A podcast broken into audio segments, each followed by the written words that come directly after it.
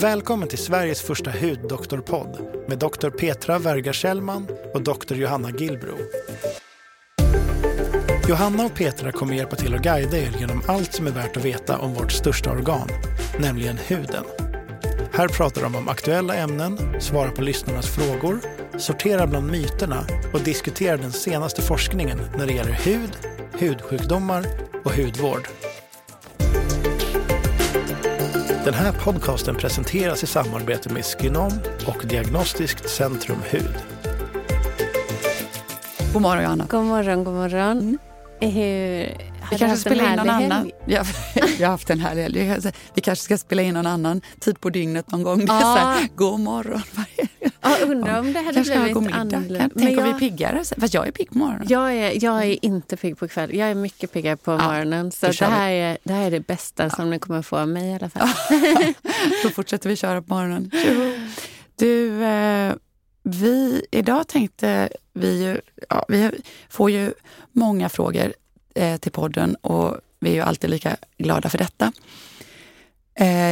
Jag får också, och vi tillsammans, en del frågor om just det här med isotretinoinbehandling och akne.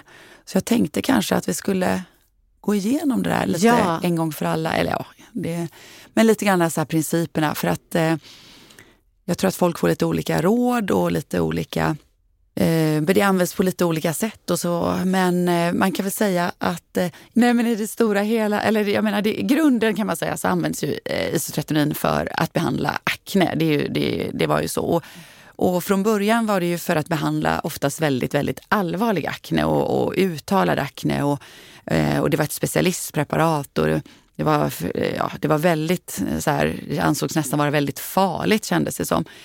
Och därför så det var bara det var ett licenspreparat länge också. Roacutan Just det. hette det ju innan. Exakt. Det hette Roacutan då, precis. Och nu, det innehåller ju isotretinoin, det har det gjort i alla år, men nu har man ju som sedan många år ehm, tagit bort liksom handelsnamnet Roacutan. Så, men det heter fortfarande Accutane i USA till exempel. Så det är samma sak. Men man har tagit bort eh, eh, själva handelsnamnet och, och det kallar det för isotretinoin precis som det heter. Och innan som sagt var så gavs det bara till de absolut svåraste fallen och där man hade risk för ärrbildande akne och så vidare. Idag har man ju insett att det inte är så farligt, att det är ett väldigt bra preparat och man eh, har utökat så att säga indikationerna lite på det. Man, idag säger ju faktiskt Läkemedelsverkets riktlinjer att har man så pass mycket akne att man inte blir bra på eh, lokalbehandling i kombination med den här antibiotikan som man brukar ge, som heter tetralysal. Det är ju det som är steget innan så att säga. Först ger man lokalbehandling, för hjälper inte det, alltså lokalbehandling, krämer, salver, hjälper inte det så ger man, kombinerar man det med eh, tetralysal då, som är en sorts antibiotika men som också har en antiinflammatorisk effekt. Eh, och funkar inte det så ger man ju isotretinoin och då förr kunde man ju skriva ut tetralysal omgång efter omgång. Ofta ska man äta det tre månader åt gången om man skrev ut det. Och eh, då blev man bra när man använde det men sen kom det tillbaka och så, ja men del hade ju fått liksom sex, typ åtta kurer kanske under ungdomen. Och sen blev man ju oftast bra till slut för att aknen ofta växer bort. Men eh, nu har ju faktiskt Läkemedelsverket sagt att det är inte så bra att använda det här eh, tetralysalen hela tiden heller. Så att om man har gett två rundor, ah, tre månader med tetralysal och det inte har funkat, då ska man övergå då till isotretinoin istället. Så det är väl det första som gör också att det används helt enkelt mycket mer nu för tiden än vad det kanske gjorde förr.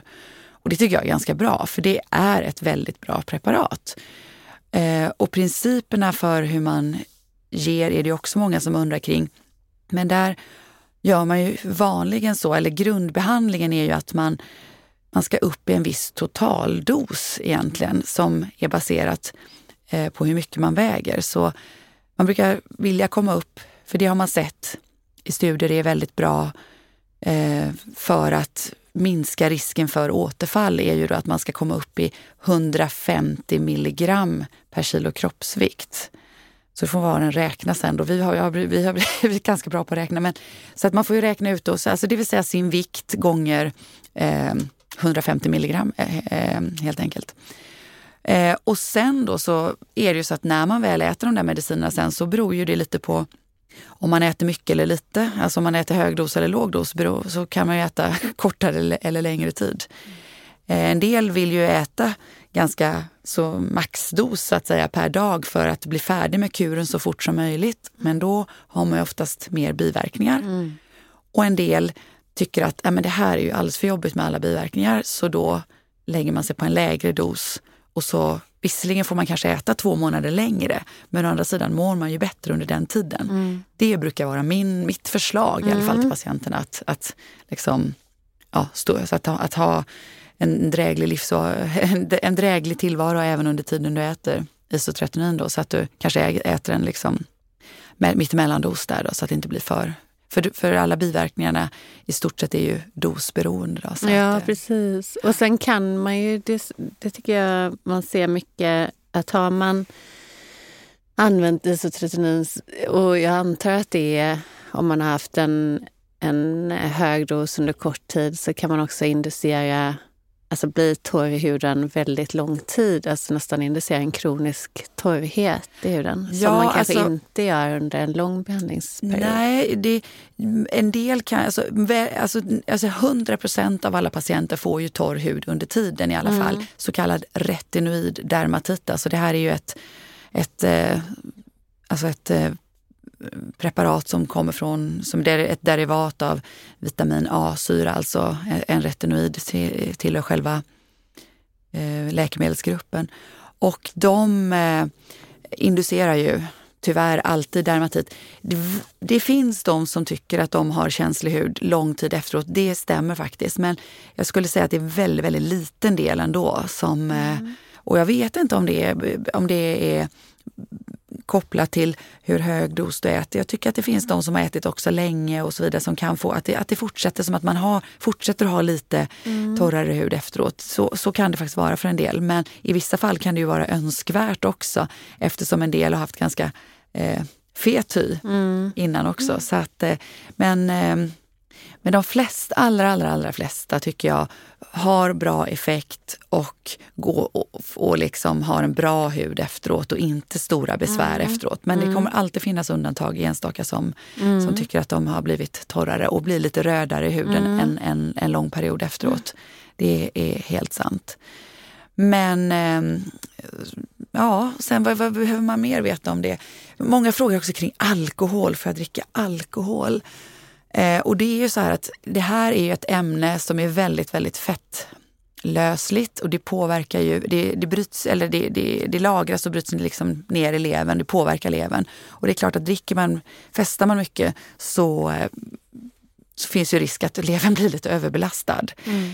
Eh, men jag brukar säga att alltså enstaka att, att liksom dricka någon öl eller så då och då är ingen större fara. Men man, jag brukar helst inte vilja skriva ut eh, isotretinoin till exempel till ungdomar som kanske i studenttider mm. eller eh, sådana som precis ska börja plugga på eh, universitetet, när man vet att det är mycket så här, festarperioder. Det avråder jag absolut ifrån. Men, mm. men att man kanske ja, liksom, tar någon öl då och då eller så här, det, det, det, det, det, det tycker jag inte är så farligt. Nej.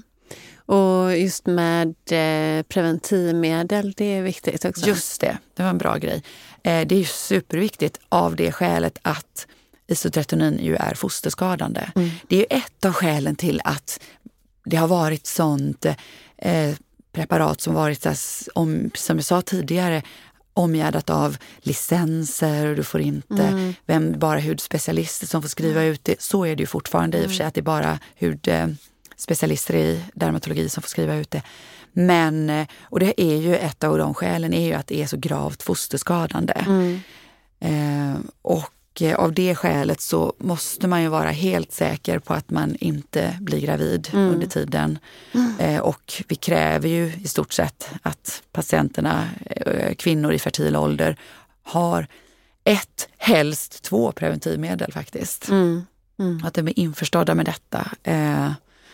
och att, ja, att man vet riskerna. Det påverkar ju inte ens förmåga att få barn på något sätt utan det är Nej. ju fostret som ja. inte tål höga doser A-vitamin som eh, alltså får stor risk för hjärnskador och sånt där. Så att det är ju, mm. vill ju inte hamna i en situation där någon blir gravid och eh, med de, de, de dilemmana som då skulle uppstå helt enkelt. Ja, det, nej, precis. Och det, där, det leder in då till eh, retinolanvändningen. Mm, rent och, allmänt. Eh, ja, men också tänker jag hur man gör när man väljer hudvård med retinol. Eh, för det, där, det är ju också ett, ett område som är ganska debatterat. Just det. Men eh, om vi bara eh, tar kopplingen då, för det kanske är många som undrar men vad har retinol med isotretinoin att göra? Och isotretinoin är ju ett, en, en typ av vitamin A-syra. Eh, och eh, eh, retinol är ju då byggstenen till vitamin A-syra. Eh, när man tittar på syntesen av vitamin A-syra. Och eh, retinol heter också vitamin A. Eh, och det är retinol. Och det var ju på, jag tror på 60-talet som man började använda isotretinoin för, eh, eller vitamin A-syra då, för aknebehandling. Och när man gjorde de här kliniska studierna så var det återkommande att personer då rapporterade som en biverkan att de tyckte att de såg mycket yngre ut. Vilken biverkning ja. också. och eh, de tyckte då att, att eh, rynkorna blev färre och de eh, fick mindre pigmenterings... Eh, mindre oregelbunden pigmentering. Och, och, det var egentligen allra, alla ålderstecken som minskade. Och det här var ju någonting som var väldigt intressant för kosmetikbolagen såklart. Eh, och då har man därefter börjat, för att vitamin A-syra var ju då ett läkemedel och läkemedel får man ju inte använda inom eh, kosmetiken. Så att då tittade man på den här möjligheten att använda då retinol som är byggstenen till vitamin A-syra. Och, och, och så börjar man eh, titta på det när det gäller eh, som en anti-age-molekyl. Och, och är den lika aktiv som vitamin A-syra? Nej, det är den inte. För vad som behöver ske i huden då, det är att du applicerar retinol och sen så får du då en omvandling till vitamin A-syra innan du kan eh, ha en effekt på retinoidreceptorerna som sedan ger de här effekterna med kollagenbildning och differentiering av keratinocyter och de här positiva effekterna i, i huden. Så att retinol används ju ganska frekvent idag som en anti-aging-substans. Både för att minska pigmentering men även för rynkor och fina linjer och fasthet i huden. Yes. Då får man ju väldigt många frågor. Ja, jag tänkte just det. Kan man använda retinol då eh, när man är gravid och ammar? Egentligen så har man, man har inte sett i några studier att det är fosterskadande att applicera retinol. Eh, Systemupptaget måste ju vara väldigt, ja. väldigt, väldigt, väldigt, litet. Och det blir ju, jag menar, man avråder ju inte gravida från att äta vitamin... Alltså absolut, man avråder eh, gravida från att äta vitamin A i kosttillskott. Men det finns ju mycket vitamin A i kosten som till exempel i mejeriprodukter. Mm. Men då avråds eh, till exempel från att äta lever och sådana saker för där finns det hög koncentration. Ja. ja. Men i mejeriprodukter och ägg exempelvis finns det också låga koncentrationer av vitamin A. Mm. Och det avråder man inte nej, gravida från. Inte nej, men precis. Så att, och, och det här systemupptaget är ju enormt, enormt lågt. Mm. Men vad säger du om det?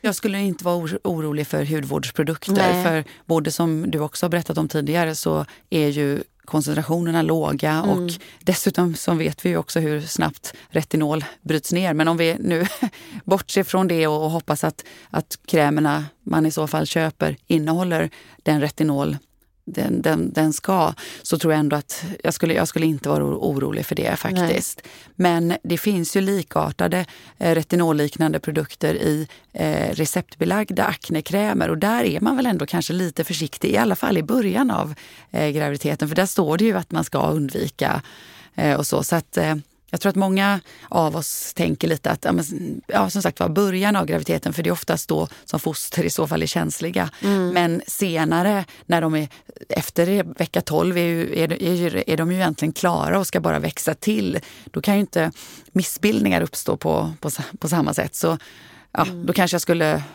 vara lite mindre nojig, så att säga. Mm. nu pratar jag med krämer alltså. Mm. Att äta isotretinoin eller sånt är ju väldigt, eh, det, det, det självklart eh, absolut avråder ifrån. Eh, men eh, med lokalbehandlingen där och sen, ja, och, så att nej, jag skulle inte vara så, eh, inte orolig för hudvårdsprodukter i alla fall faktiskt med, med retinol.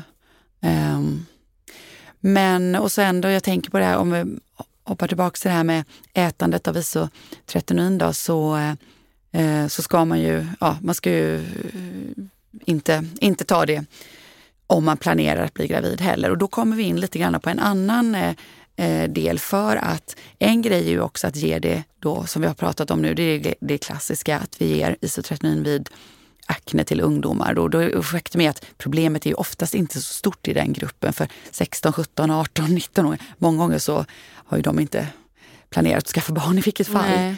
Men eh, sen har vi en annan grupp faktiskt kvinnor och det är ju både eh, om man säger unga vuxna men även eh, ja, men kvinnor kanske i, i 30-årsåldern och så som har långvarig, den här kvarvarande akne eller eh, långvarig, eh, säg ibland vuxenakne och så vidare, men den där aknen som inte har gått över. Mm. För för de allra flesta så begränsar sig aknen till slut lite så att säga av sig självt. Att, mm. att den, den, slutar vara aktiv och, och hyn blir bättre. Det går över efter tonåren. Men så har vi ändå kanske 10-15 procent av de som har eh, haft akne där det faktiskt inte riktigt går över. Som alltid sliter med en liksom, mer eller mindre akneutslag, kommer och går och, och sådär. Och eh, de eh, patienterna eh, har vi ju idag allt mer börjat behandla med eh, lågdos isotretinoin. Alltså vi är inte lika hög dos som vid ungdomsaknen och vi håller på lite längre tid. Eh, och där kan det vara lite problem, för det är också, där får man ju vara mera försiktig och verkligen, verkligen noggrann med informationen eftersom det många gånger då kan vara kvinnor som faktiskt är då i eh, som tänker skaffa barn eller sådär. Mm. Nu är det ju inte så att man säger väl i stort sett, alltså jag brukar tre, alltså tre månader efter att man har slutat med tabletterna så kan man skaffa barn. Så mm. det är inte, men, men man får hålla koll på sig så att man inte blir ofrivilligt mm. gravid i alla fall. Mm. Men det här är lite nyare sätt och det finns väl egentligen inga alltså, riktlinjer kring hur man ska göra här med den här, som jag säger, den här mera långvariga aknen. Ofta har ju de här personerna Eh, och redan då också fått då flera tetralysalkurer. Man har gett det och man prövar olika aknekrämer och kanske köper hudvårdsprodukter eh, för aknebenägen hy och så. Eh, så att, ehm, men det är ingenting hjälper. Det typiska är att ja, man blir bra när man äter sitt, eller, förlåt, sitt tetralysal men sen när man är färdig så, så tar det bara några veckor eller så och så kommer det tillbaka och så håller det på sådär. Mm, och det kan bli, där tror jag ju verkligen på eh, vår kära vän mikrobiomet. Ja. För att då har man eh, det är ju så som bakterier fungerar. Då har de blivit hämmade och, och, och, utslagna. Och sen när de börjar växa till, då börjar de växa till de här som de man kallar patogena bakterierna i akne. Då kan de växa till ännu mer. Så att det kan också bli att man får en, en relapse som blir ännu värre. Har ni sett det mycket? Ja, alltså, jag, jag, alltså bakterierna är ju egentligen bara är ju en del av, eh, av akne liksom akneorsakerna så att säga. Det finns ju många olika faktorer där med, med att inte huden riktigt avstöter eh, sina hudceller som de ska och lite ökad mängd talg.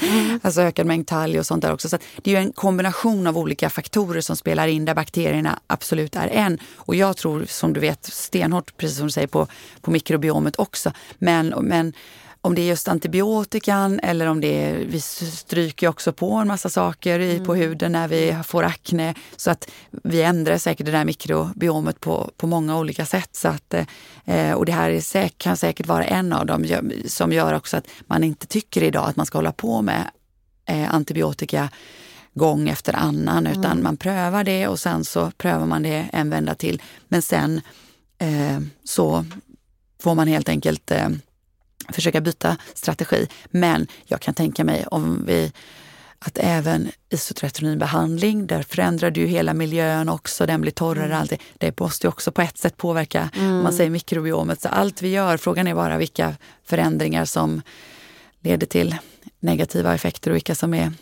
um, ja, vilka som inte påverkar så himla mycket. Så att, eh, men visst, långvarig antibiotikaanvändning är ju inte att eftersträva och aldrig heller i monoterapi, alltså inte bara antibiotika. Nej. Utan för att undgå det som du säger där egentligen med överväxt av kanske andra bakterier eller, eller fram, framavlandet av resistenta bakterier mm. så måste man ju, om man nu äter tetralysal för akne, så måste man ju kombinera det med eh, någon form av lokal behandling. Helst gärna med bensylperoxid som, mm. som håller nere bakteriemängden. Mm. Men då är den irriterande, då, så att, eh, irriterande och mm. många gånger för, för huden. Så att, eh, men i den bästa av världar så, så kombinerar vi det med eh, i så fall med eh, bensylperoxid innehållande produkter. Mm.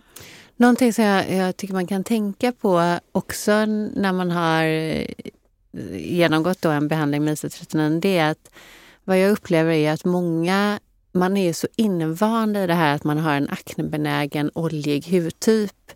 Eh, och min erfarenhet är att många fortsätter att välja den typen av hudvård så att man väljer eh, hudvård som minskar tarmproduktionen, lätta krämer och så vidare. Och det kan bli helt fel, för ofta så är det ju faktiskt så att man har fått, man har genom en isotretinoinkur faktiskt dels, efter, dels direkt efter behandling så har man ju ofta en, en torrare hudtyp. Min erfarenhet är att man, att man har åt det torrare hudtypen faktiskt har ändrat sin hudtyp eh, för lång tid framöver. Kanske för hela, för hela livet. Ja, det är olika, men för vissa kan det vara så. Ja. Men vissa, får ju, alltså, vissa kan ju vara jättenöjda med sin hud, att den är lite torrare då om vi så säger ja, under själva behandlingen. Men sen återgår det till att det inte blir det. Så det är, det är ja, individuellt det, är individuellt. också. Men, men, men det, finns, det finns de som får upplever att de har en torrare hud längre fram som inte är nöjda med det. Och så finns det de som har en torrare hud längre fram som är nöjda med det och så ja. finns det de som, där det går tillbaks till kanske en, liksom en eh, fetare eh, hudtyp. Ja, igen. Så eller att man har en helt... Jag träffade faktiskt en igår. Vi var på vi hade ett event på Mall of Scandinavia och hade med den här eh, hudkameran. Och eh, för, där, där var det så här ett klassiskt exempel på en tjej som hade använt isotretinoin för många, många år sedan. Eh, och tyckte nu när jag tittade på hennes hud så var det en helt normal hudtyp.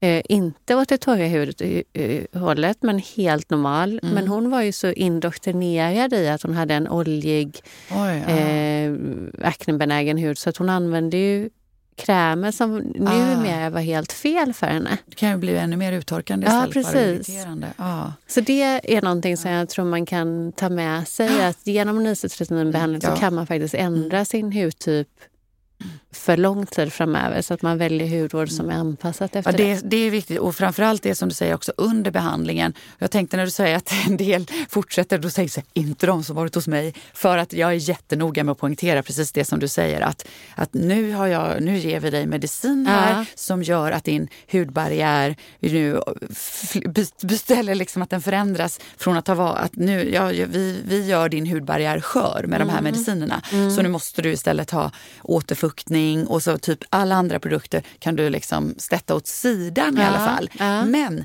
sen beror det ju på vad som händer efteråt. För att jag brukar inte säga släng dem, för en del får ju tillbaks sin lite mera fetare aknebenägna hy så att där får man pröva sen efteråt. Mm, så ja. jag brukar säga sätt dem åt sidan och så får du se vad som händer sen. Mm. Antingen så kan du återgå till dem när du inte har eh, medicinen längre eller så är det så att du faktiskt får eh, eh ja, mm. liksom, men, men självklart är det en jätteviktig poäng att, att anpassa hudvården efter mm. hudtypen och, eh, och som sagt var, och där är det ju också så att eftersom, för, jag säger, för det är det som jag också säger, att en del patienter även efter eh, isotretinoinbehandling faktiskt får tillbaks sin då eh, lite feta oljehy. Och det är då vi också har det här och, som jag kan tycka kanske ännu viktigare och vanligare bland de då lite vuxnare kvinnorna. Eh, nu säger jag bara kvinnor, men det, det gäller män också, absolut. Men det är ändå många fler kvinnor i den här gruppen tycker jag. Eh, och det är ju att de då Eh, och, där, just det, och det är därför, det är det som är skälet också till att man ibland har den här långvariga låggradiga isotretinoinbehandlingen. Så behandlar man en ungdom så kanske de, man ger dem så två, tre tabletter om dagen under en då begränsad period då, som är, ja, som jag berättade, uträknad lite grann på vikt och, och så. Eh, Medan de här, den andra gruppen då eh, med kvarvarande aknebesvär kanske har en tablett om dagen eller en tablett mm. varannan dag. Mm. Så att mm. man har egentligen ganska låg, och då kan man hålla på med det ibland, ibland blir det ju flera år. Liksom. Mm. mm. Eh, för, och de märker de då, och jag brukar ju uppmuntra att göra liksom utsättningsförsök och tänka att ja, men se pröva att glesa ut ytterligare och se, nej, men då får en del tillbaks mm. besvären. Va? Så, att, så återigen, det är som all medicinering, man måste individanpassa eh, och, och så. Så. Alla, alla borde gå till dig faktiskt. Nej, det, jo, det, det är inte säkert. Jo. Nej, jag kan varmt rekommendera. Diagnostiskt centrum hud finns i, där, där kan man besöka dig i alla fall i Stockholm ja. och sen kan man besöka dina kollegor i Stockholm, Malmö, Göteborg och Helsingborg. Så det finns... Yes, och på gång lite på andra ställen också. Ja, Bland annat i... Linköping. Och i Norrland kanske? För där det, behövs ja, det. hade varit, det hade verkligen behövts. Ja. Men, men tyvärr är det lite svårt att etablera sig där av, av, av olika skäl. Så att, eh... Vilka skäl då? Det här var intressant. Nej. Ja, men det är, det för många, det är för många långa politiska skäl. De tror Pedro att vi ska ta här. Kli, hon, hon, gör så här, klick, klick, klick. Nej, men, jag, det, som sagt, det kan, men däremot så tror jag att bor man där uppe så är väl ett, ehm, ett kanske, där, där kanske sån här tele, teledermatologi borde ha bättre ja. täckning. Ja. Man kan titta på en del. Allt kan man inte bedöma på, på video, men, men vissa saker i alla fall mm. skulle man kunna. Mm. Nej, det är en väldigt bra idé. Ja. Nej, men eh, vi försöker vara bra och eh, försöker i alla fall vara, ja, göra så gott man kan. Försöka engagera sig. Ja, och det gör du väldigt bra. Oj, vad du... Nu blir jag generad här. ja. Men eh, ja, men, Nej, men då ska vi Ja, nej, nej, nej, nej, nej, det var du, avsluta du. Jag tänker bara säga, jag bara pratar i munnen på dig. Nej, nej, säg. nej, nej, jag tänkte bara, vi tänkte samma sak, att börja avsluta. Så jag ja, men jag tror att, att det här var ett väldigt matnyttigt avsnitt faktiskt. Om, eh, och, och som sagt, det är faktiskt väldigt många som är rädda för det här. Eh, men då får man igen, igen se liksom till eh, alternativen är ju inte bättre och det har man preventivmedel och eh, eh, inte ute och festar i samma period som man gör behandlingen så är det ett, ett, ändå ett säkert läkemedel och man får individanpassa och dosanpassa och det är det som är så otroligt viktigt för vilka biverkningar man får. Ja, så tycker jag att man kan säga, verkligen. Jag håller helt med. Jag vill bara tillägga en sak som jag kom på som jag ofta ändå får frågor om. Men konstigt nog så tog jag inte upp det spontant därför att det är, tycker jag, egentligen inget stort problem. Det här är ju det här med att många har läst att man kan bli deprimerad och det finns eh, eh med jämna mellanrum så kommer någon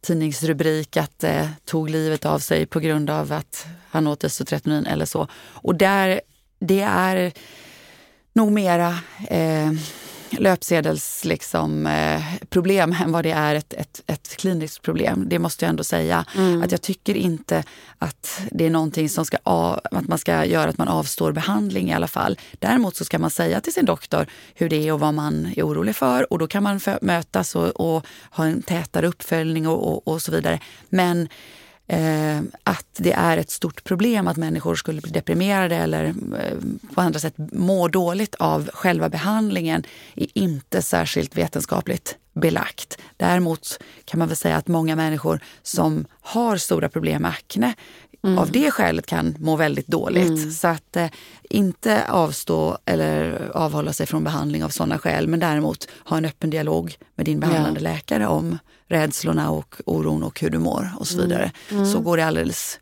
utmärkt att behandla även den patientgruppen, det mm. måste jag säga. Mm. Ja, det var viktig att, eh, information. Nej men då får vi säga tack och hej för idag. Ja, och ha en jättefin dag. Du också. Och tack alla lyssnare och fortsätt gärna ställa frågor. Skicka era frågor till eh, hurdoktorerna gmail.com så. så eh, tar vi upp eh, de allra flesta frågorna tar vi faktiskt upp i vår podd så att eh, mejla jättegärna. Vad ni vill prata om eller vad ni vill att vi pratar om. Ja. ja. ja Tusen eh, tack. Ha det så bra så länge. Hej då. Hej hej. Hej hej.